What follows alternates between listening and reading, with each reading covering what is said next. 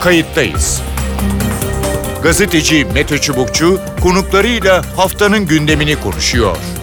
Tarihi yaşarken olaylara kayıtsız kalmayın.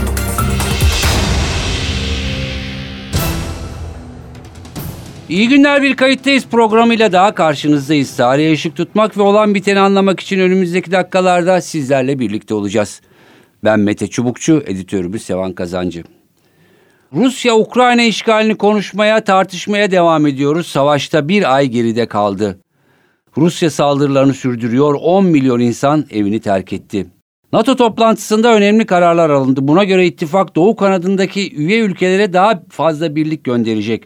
Rusya'nın kimyasal silah kullanma ihtimaline karşı Ukrayna'ya askeri yardım arttırılacak. Toplantıda hazır bulunan Cumhurbaşkanı Erdoğan dönüş yolunda Putin'e onurlu bir çıkış yap diyeceğim ifadesini kullandı. Rusya ile Ukrayna arasında müzakere edilen altı başlık olduğunu, bunlardan dördünün üzerinde mutabakat sağlandığını söyledi. Rusya operasyonlarını sürdürüyor ancak sahada ilerleme oldukça yavaş. Kremlin nükleer silah söylemini zaman zaman hatırlatıyor. Peki Rusya bu döngüden nasıl çıkacak? Batı Putin'e çıkış kapısı sunacak mı? Kayıttayız da bu hafta olağanüstü NATO zirvesinde alınan kararları, Türkiye'nin pozisyonunu, Cumhurbaşkanı Erdoğan açıklamalarını ve diplomasi dilini konuşacağız. İki konuğumuz olacak. Kayıttayız'ın konuğu Profesör Mustafa Aydın. Mustafa Aydın, Kadir Has Üniversitesi öğretim üyelerinden. Hoş geldiniz programımıza. Hoş bulduk, merhaba. Ee, son NATO zirvesini izlediniz. Ee, basın açıklamaları yapıldı. Liderlerden açıklamalar e, geldi. En kısa olarak şunu sormak istiyorum. Ee, en yeni gördüğünüz şey e, neydi e, ve bu zirve NATO'nun e, belki baştan sona değil ama e, yeni bir e, güvenlik yapılanması ya da yeni bir güvenlik e, ne derler mimarisine e, gidecek gibi görünüyor mu? Buyurun. Yani iki şey benim dikkatimi çekti. Bir tanesi e, yani herkesin bunu konuşuyordu zaten toplantıdan da önce.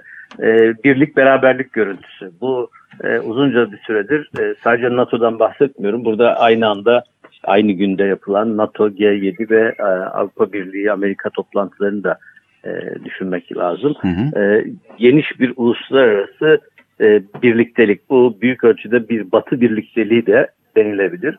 E, özellikle son 10 yıl içerisinde burada ciddi hasarlar oluşmuştu. E, ben bunu sadece Trump dönemi olarak görmüyorum Amerika'da. Ondan önceye giden hatta Bush döneminden başlayan e, Amerika'nın Irak e, ve Afganistan operasyonlarıyla başlayan bir süreçte e, batılı müttefikler arasında bir yavaş yavaş bir kopukluk oluşmuştu. Hı hı. Şimdi bu vesileyle bu ortadan kaldırıldı. Halk diyebiliriz. Ve Rusya'ya karşı bir birlik beraberlik görüntüsü var. E, ikinci önemli e, unsur aslında 2014'te Rusya'nın Kırım'ı ilhak, e, işgal ve ilhakından sonra başlayan e, NATO'nun Doğu kanadında yeniden yapılanma veya Doğu kanadını güçlendirme e, çabasının son geldiği noktayı gördük. Hı hı. E, dört yeni e, askeri grup e, yapılanma oluşturulacak e, no, e, NATO'nun doğu e, kanadında. E, zaten bunlar hala hazırda oluşturulmuş olan diğer e, gruplara e, ek olarak olacak. E, bir anlamda hani sizin söylediğiniz yeniden bir yapılanma oluyor mu sorusunun e, çok radikal bir değişim olmamakla birlikte yavaş yavaş doğu kanadına ağırlık verilmeye başlandığını işaretlerini görüyoruz tabii. Hı hı. Ee, şöyle yorumlar yapılıyordu başından beri yani bu özellikle Ukrayna saldırısı bir süredir yani büyük olmasa bile çatlakların olduğu NATO'nun geleceğinin hı. konuşulduğu bir ortamda birazdan NATO'ya can suyu oldu gibi. Ne dersiniz? Hı. Evet yani buna katılıyorum. Bu zaten uzunca bir süredir konuşuluyordu. E, tabii bu e, can suyu oldu ama bütün bu çatlakları ortadan kaldırdı mı onu bilmiyoruz. Şu anda bir e, kriz ortamı, e, bir çatışma ortamı yaşandığı için e, herkes e, geleneksel çizgiye e, NATO müttefikliği çizgisine çekilmiş durumda. E, ama bunun ne kadar süreceği, daha önceki gerginliklerin veya çatlakların derinliğinin e, ortadan kaldırıp kaldırılmadığını şu anda kestirmek çok kolay değil. Çünkü o çatlakların arkasında e, yavaş yavaş farklılaşan çıkarlar ve interes, e, çıkarlar ve beklentiler de vardı. Hı hı. Amerika Birleşik Devletleri'nin büyük ölçüde işte Çin'e odaklanma arzusu, e, buna karşılık Avrupalı müttefiklerin e, Avrupa'yı kendi başına gündemde tutma ve bir anlamda kendi kendini daha otonom bir şekilde savunur hale getirme çabaları. Türkiye gibi e, tekil bazı müttefiklerin diğer müttefiklerin geneliyle farklılaşan güvenlik algılamaları gibi unsurlar var. Aslında bunların hiçbirisi tam olarak çözülmüş değil ama e, herkes bir süreliğine bunları arka plana bırakmış e, ve ittifak e, ne diyelim bütünlüğünü öne çıkartmış gibi gözüküyor şimdilik. Hı hı. Lavrov'dan bir açıklama e, var. Birkaç saat önce e, geldi. E, muhtemelen NATO zirvesine e, yönelik bir de e, yanıt. E, şöyle diyor. E, Batı e, bize topyekün savaş ilan etti. Bu hibrit bir savaş diyor. Ne dersiniz? Yani Moskova'da oturuyor olsam ve e, oradan siyaset yapıyor olsam ben de benzer bir açıklama herhalde yapardım. E, tabii bunun e, zayıf tarafı e, bu işi başlatan e, batıdır demek o kadar kolay değil. Yani bunu e, Ruslar kendi halklarına dahi tam olarak anlatabilmiş değiller. E, yani durup dururken başladı demiyorum bu iş. Elbette Rusya'nın bir takım endişeleri vardı, rahatsızlıkları vardı. Ama sonuç itibariyle bağımsız bir ülkeyi, e, kendisini de tehdit etmeyen bağımsız bir ülkeyi işgal etti veya işgal girişiminde bulundu.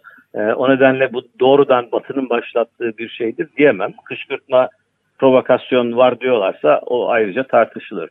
E, ama diğer taraftan bu çatışma başladıktan sonra tabii Batı bütüncül bir fotoğraf veriyor. Bu önemli. E, bir askeri karşılık e, tam olarak yok. Yani Ukrayna'ya e, verilen askeri yardımlar var. Karayoluyla yapılabilen yardımlar yapılıyor. E, ama NATO kendi güçlerini sahaya sokmuyor biliyorsunuz. E, fakat bunun dışında e, başka türlü destekler verdiklerini de e, biliyoruz. İşte bu Ukrayna'nın e, bu savaşta özellikle sosyal medya alanında ve işte sanal dünyada e, Rusya'ya büyük fark attığını görüyoruz. Hı hı. E, algı konusunda ciddi bir fark attığını görüyoruz. E, bunların arkasında NATO üyelerinin bazılarının Ukrayna'ya verdiği destek olduğuna dair e, bilgiler e, basına ve kamuoyuna da sızdı. Hı hı. Onun dışında tabii çok büyük bir yaptırımlar, ekonomik yaptırımlar listesi oluşmaya başladı. Belki ilk günlerde bu kadar beklenmiyordu. Daha yavaş bir süreç bekleniyordu ama gelinen noktada çok hızlı bir şekilde ardarda arda çok farklı yaptırımlar geldi. E, bu nedenle de yani Moskova'da oturan birisinin böyle hissetmesi doğal tabii. Aa, Şimdi e, bir süre önce e, yaklaşık 10-15 maddelik bir e, görüşme listesi e, ya da hani sorunun çözümüne yönelik e, sızmıştı. E, ya da e, Ukrayna Rusya tarafından sızdırılmıştı. E, Cumhurbaşkanı Erdoğan e, dün bir açıklama yaptı. Bugün detayları da e, ortaya çıktı. Özellikle altı konu üzerinde tabii Türkiye'nin çabalarıyla da ya o bilgilere de tabii ki sahip. Dört konu üzerinde yani anlaşılabileceğini iki tane konunun biraz daha e, sanki zor olduğunu e, nedir e, dört konu? İşte Ukrayna'nın silahsızlanması, NATO üyeliğinden vazgeçmesi, e, Rusça'nın yine yani dil kullanım açısından resmi diller arasına girmesi. E, Hı hı. Fakat zorlu taraf tabii Donbas e, durumu ve, ve orada Kırım. Kırım durumu bir referandum e, yapılması. Hatta Cumhurbaşkanı'nın sözleriyle e, Putin'le e, görüştüğünde e, barış barışın e, mimarı e, ol- olması gerektiğini ve onurlu bir çıkış yapılabileceğini e, söyleyeceğini e, iletti. Ne dersiniz e, bu açıklamalara ve bu maddeler hayata geçer mi? Şimdi bu, bu açıklamalardan önce de yani benim şahsi kanaatim ve tahmin ediyorum bölgeyi takip eden pek çok kişinin kanaati iki konunun burada e, tıkayıcı olduğuydu. E, iki tarafta hem Rusya hem de Ukrayna e, savaşın başladığı günlerdeki sert pozisyonlarını ve uç noktalardaki pozisyonlarını yumuşattılar. Belli konularda ödün verebileceklerini gösterdiler. Bunun sahadaki e, savaşın gidişatıyla ilgili tabii ki e, çok önemli bir alakası var. Ama sonuç ne, ne neden ne olursa olsun sonuç itibariyle her iki tarafta e, bir görüşme yolunda açık olduklarını göstermiş durumdalar. Ama iki konu dediğim gibi çok e, netameli diyelim, çok sıkışık. Bir tanesi Donbas'ın statüsü, e, ikincisi de Kırım'ın statüsü.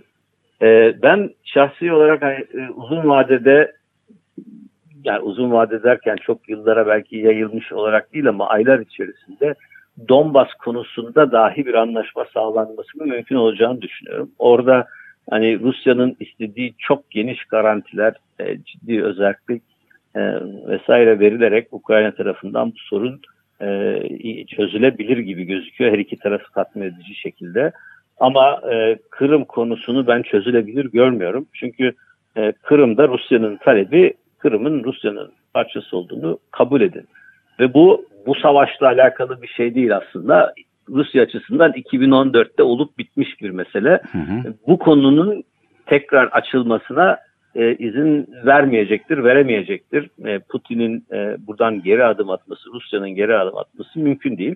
E, ama Ukrayna'da da e, kendi topraklarının bir kısmının e, gönüllü bir şekilde böyle başka Evet. bir ülkeye verilmesini kim nasıl kabul edebilir? E, o da pek mümkün gözükmüyor. Dolayısıyla bence en çetrefil konu bu. İkinci konu tabii ki Donbas'ın statüsü. O da çok kolay e, herhalde insana sorarlar bu kadar şey niye yaşandı? Burası e, bağımsız olmayacaktıysa ya da burası Rusya'ya katılmayacaktıysa bütün bu işgal operasyonu her ne derseniz deyin niye yaşandı diye Rus halkı muhtemelen yönetime soracaktır. Ama yine de hani o konuda bile bir adım belki atılabilir. E, gidişata göre bakmak lazım. Evet yani e, iki taraf içinde e, ne nasıl söyleyelim e, çıkış köprüsü e, mümkün e, ama iki taraf içinde zor değil özellikle kendi kamuoylarına e, açıklama e, açısından e, diye e, düşünüyorum. E, Mustafa Aydın çok teşekkür ediyorum pro- programımıza katıldığınız ve yorumlarınız için. Rica ediyorum. İyi yayınlar diliyorum. Sağ olun. Kayıttayız'ın konuğu Profesör Ragıp Kutay Karaca. Ragıp Kutay Karaca İstanbul Aydın Üniversitesi öğretim üyelerinden. Hoş geldiniz programımıza.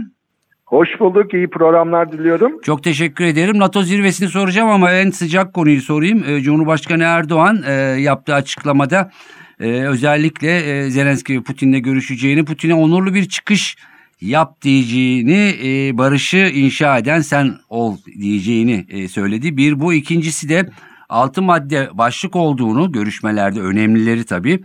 Dördünde muhtemelen anlaşılabileceğini ama ikisinin zor olduğunu söyledi. İşte silahsızlanma, NATO elinden vazgeçme, Rusçanın dil olarak tekrar kabul edilmesi gibi ama bu Donbas meselesi, bu ayrılıkçı bölgeler, e, Kırım belki içinde onlar biraz zor gibi görünüyor iki taraf açısından. E, değerlendirmenizi alayım. Hem e, Putin'e yönelik Cumhurbaşkanı'nın sözleri hem de bu maddelerle ilgili. Buyurun. E, Valla çok net olarak bir şey söyleyeyim. E, Cumhurbaşkanı'nın iki gündür yaptığı açıklamalar NATO zirvesi sonrası NATO Genel Sekreterinin yaptığı açıklama, açıklamalarla e, ayrı ayrı kefelere konulsa çok ağır gelir diye düşünüyorum. E, yani NATO e, zirvesi sonrası e, zirve sonucunun açıklanması ve e, işte yazılı metnin ortaya çıkartma bunlara baktığımızda e, daha önce söylenenlerin dışında herhangi bir şey görmedik. Hı hı. Şimdi Cumhurbaşkanı söylemlerine gelince çok çok önemsiyorum ama e, buradan bir iki e, noktayı belirteyim. E, bir kere çok açıkça güvenliğin bölünmezliği e, ilkesinden bahsetti. Çok önemli bu güvenliğin bölünmezliği ilkesi.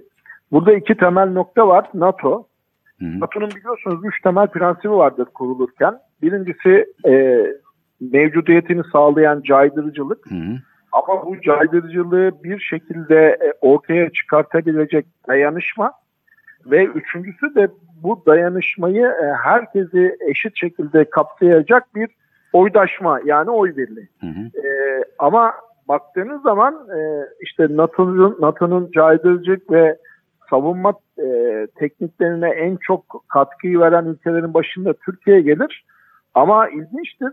Aynı aynı Türkiye bir şekilde e, temel açıdan e, NATO'nun kendisine ait olan e, en büyük e, üyesi Amerika Birleşik Devletleri'nin de yaptırımlarına maruz kalıyor. Yalnızca Amerika değil, Bunun içerisinde İran, e, bunun içerisinde e, Kanada var, bunun içerisinde Almanya var. Yani zannedersiniz e, Türkiye NATO'da değil, e, İran benzeri bir e, yapı e, kendisinde barındırıyor. İşte biliyorsunuz hem Almanya hem Kanada bu İHA SİHA'ların e, göz e, tesisatını vermeme üzerine yaptı. Hatta Almanya karar alacaktı bir daha Türkiye'ye bu e, tesisatın satılmaması. Şimdi bir kere en önemli nokta bence e, bu güvenliğin bölünmezliği ilkesi. Aynı şekilde güvenliğin bölünmezliği ilkesi üzerinde bir de Suriye var.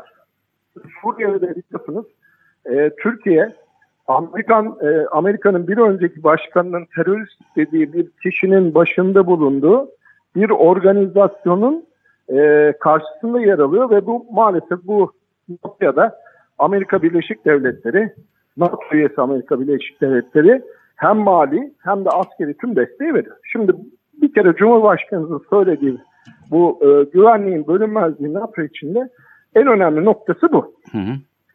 E, gelelim Türkiye'nin duruşuna. Türkiye'nin duruşunda hiçbir değişim olmadığını da deklar etti. Bu da çok önemli. Yani Türkiye hem e, Ukrayna'nın hem de Rusya ile ilişkisi olan bir ülke olarak lanse etti ki çok doğru.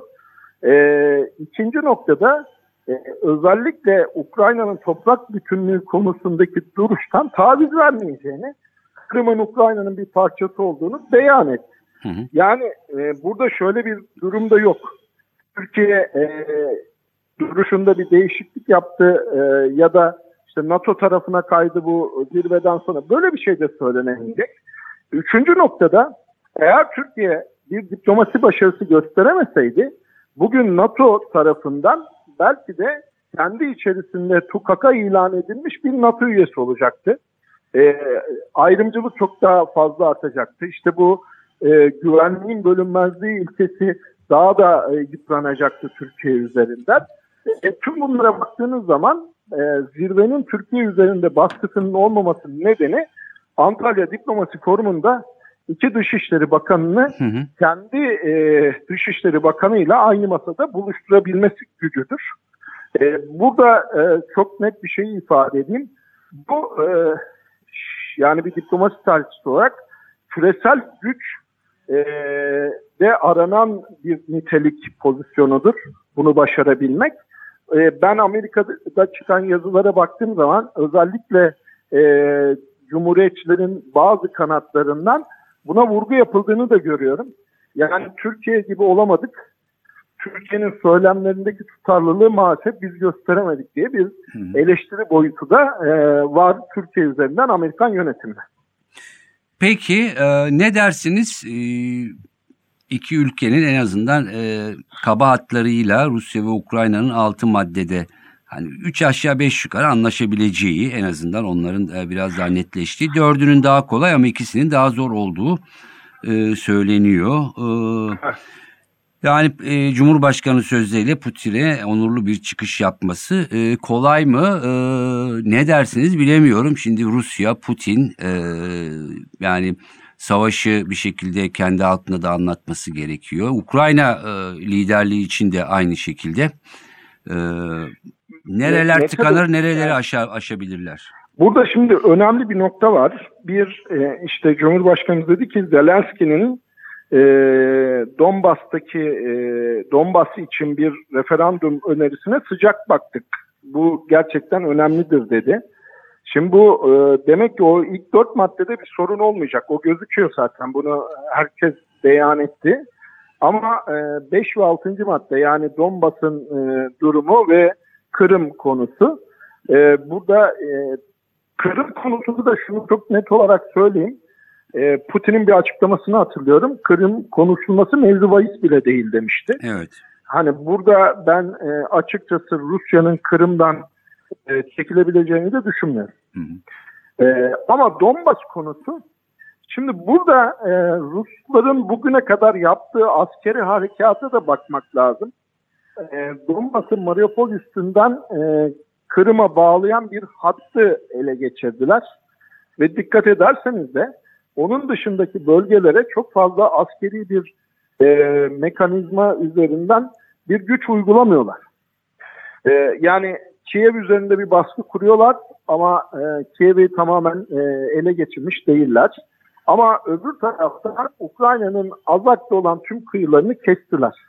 Ve bunu da bir karayoluyla Kırım'a bağlamış oluyorlar bu şekilde. Şimdi burada yalnızca Donbas mı mevzu bahis olacak yoksa Donbas'la beraber bugün e, e, Rusya'nın işgali kesinleşen bölgeler üzerinden bir e, farklılaşma mı isteyecek Rusya? Buna bakacağız. Yani burada e, daha fazlasıyla e, Rusya'ya son iki maddede Rusya'nın duruşuyla ilgili bir e, gelecek beklentimiz olabilir. Hı hı, evet. E, Cumhurbaşkanının Putin'e hani onurlu çekilme konusu da e, diplomasi tarihini okuyanlar bilirler. E, bu e, Kissinger'ın özellikle Nixon'a ifade ettiği bir tanımdır. Hani Çin'den onurlu çekilme. O dönem Amerikan arşiv belgelerini incelerken de buna çok fazlasıyla rastlamıştım. Birbirlerine gönderdikleri memorandumlarda, özellikle başkanın yazdığı memorandumlarda.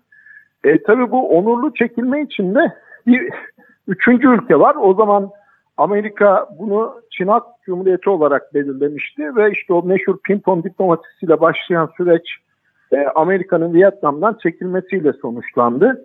E, buna da onurlu çekilme dediler. Ama şimdi burada tabii onurlu çekilme derken Putin'in de Amerika kadar Vietnam bataklığı kadar bir Ukrayna bataklığına batmış olması mevzu bahis ki bu da galiba ayrı bir tartışma konusu olur. Peki. Öyle midir değil midir ama bir gerçek var. Ne Rusya için ne e, Avrupa için bunu özellikle ikisini belirtiyorum. Dikkat ederseniz hiç Ukrayna için demedim Hı hı. burada.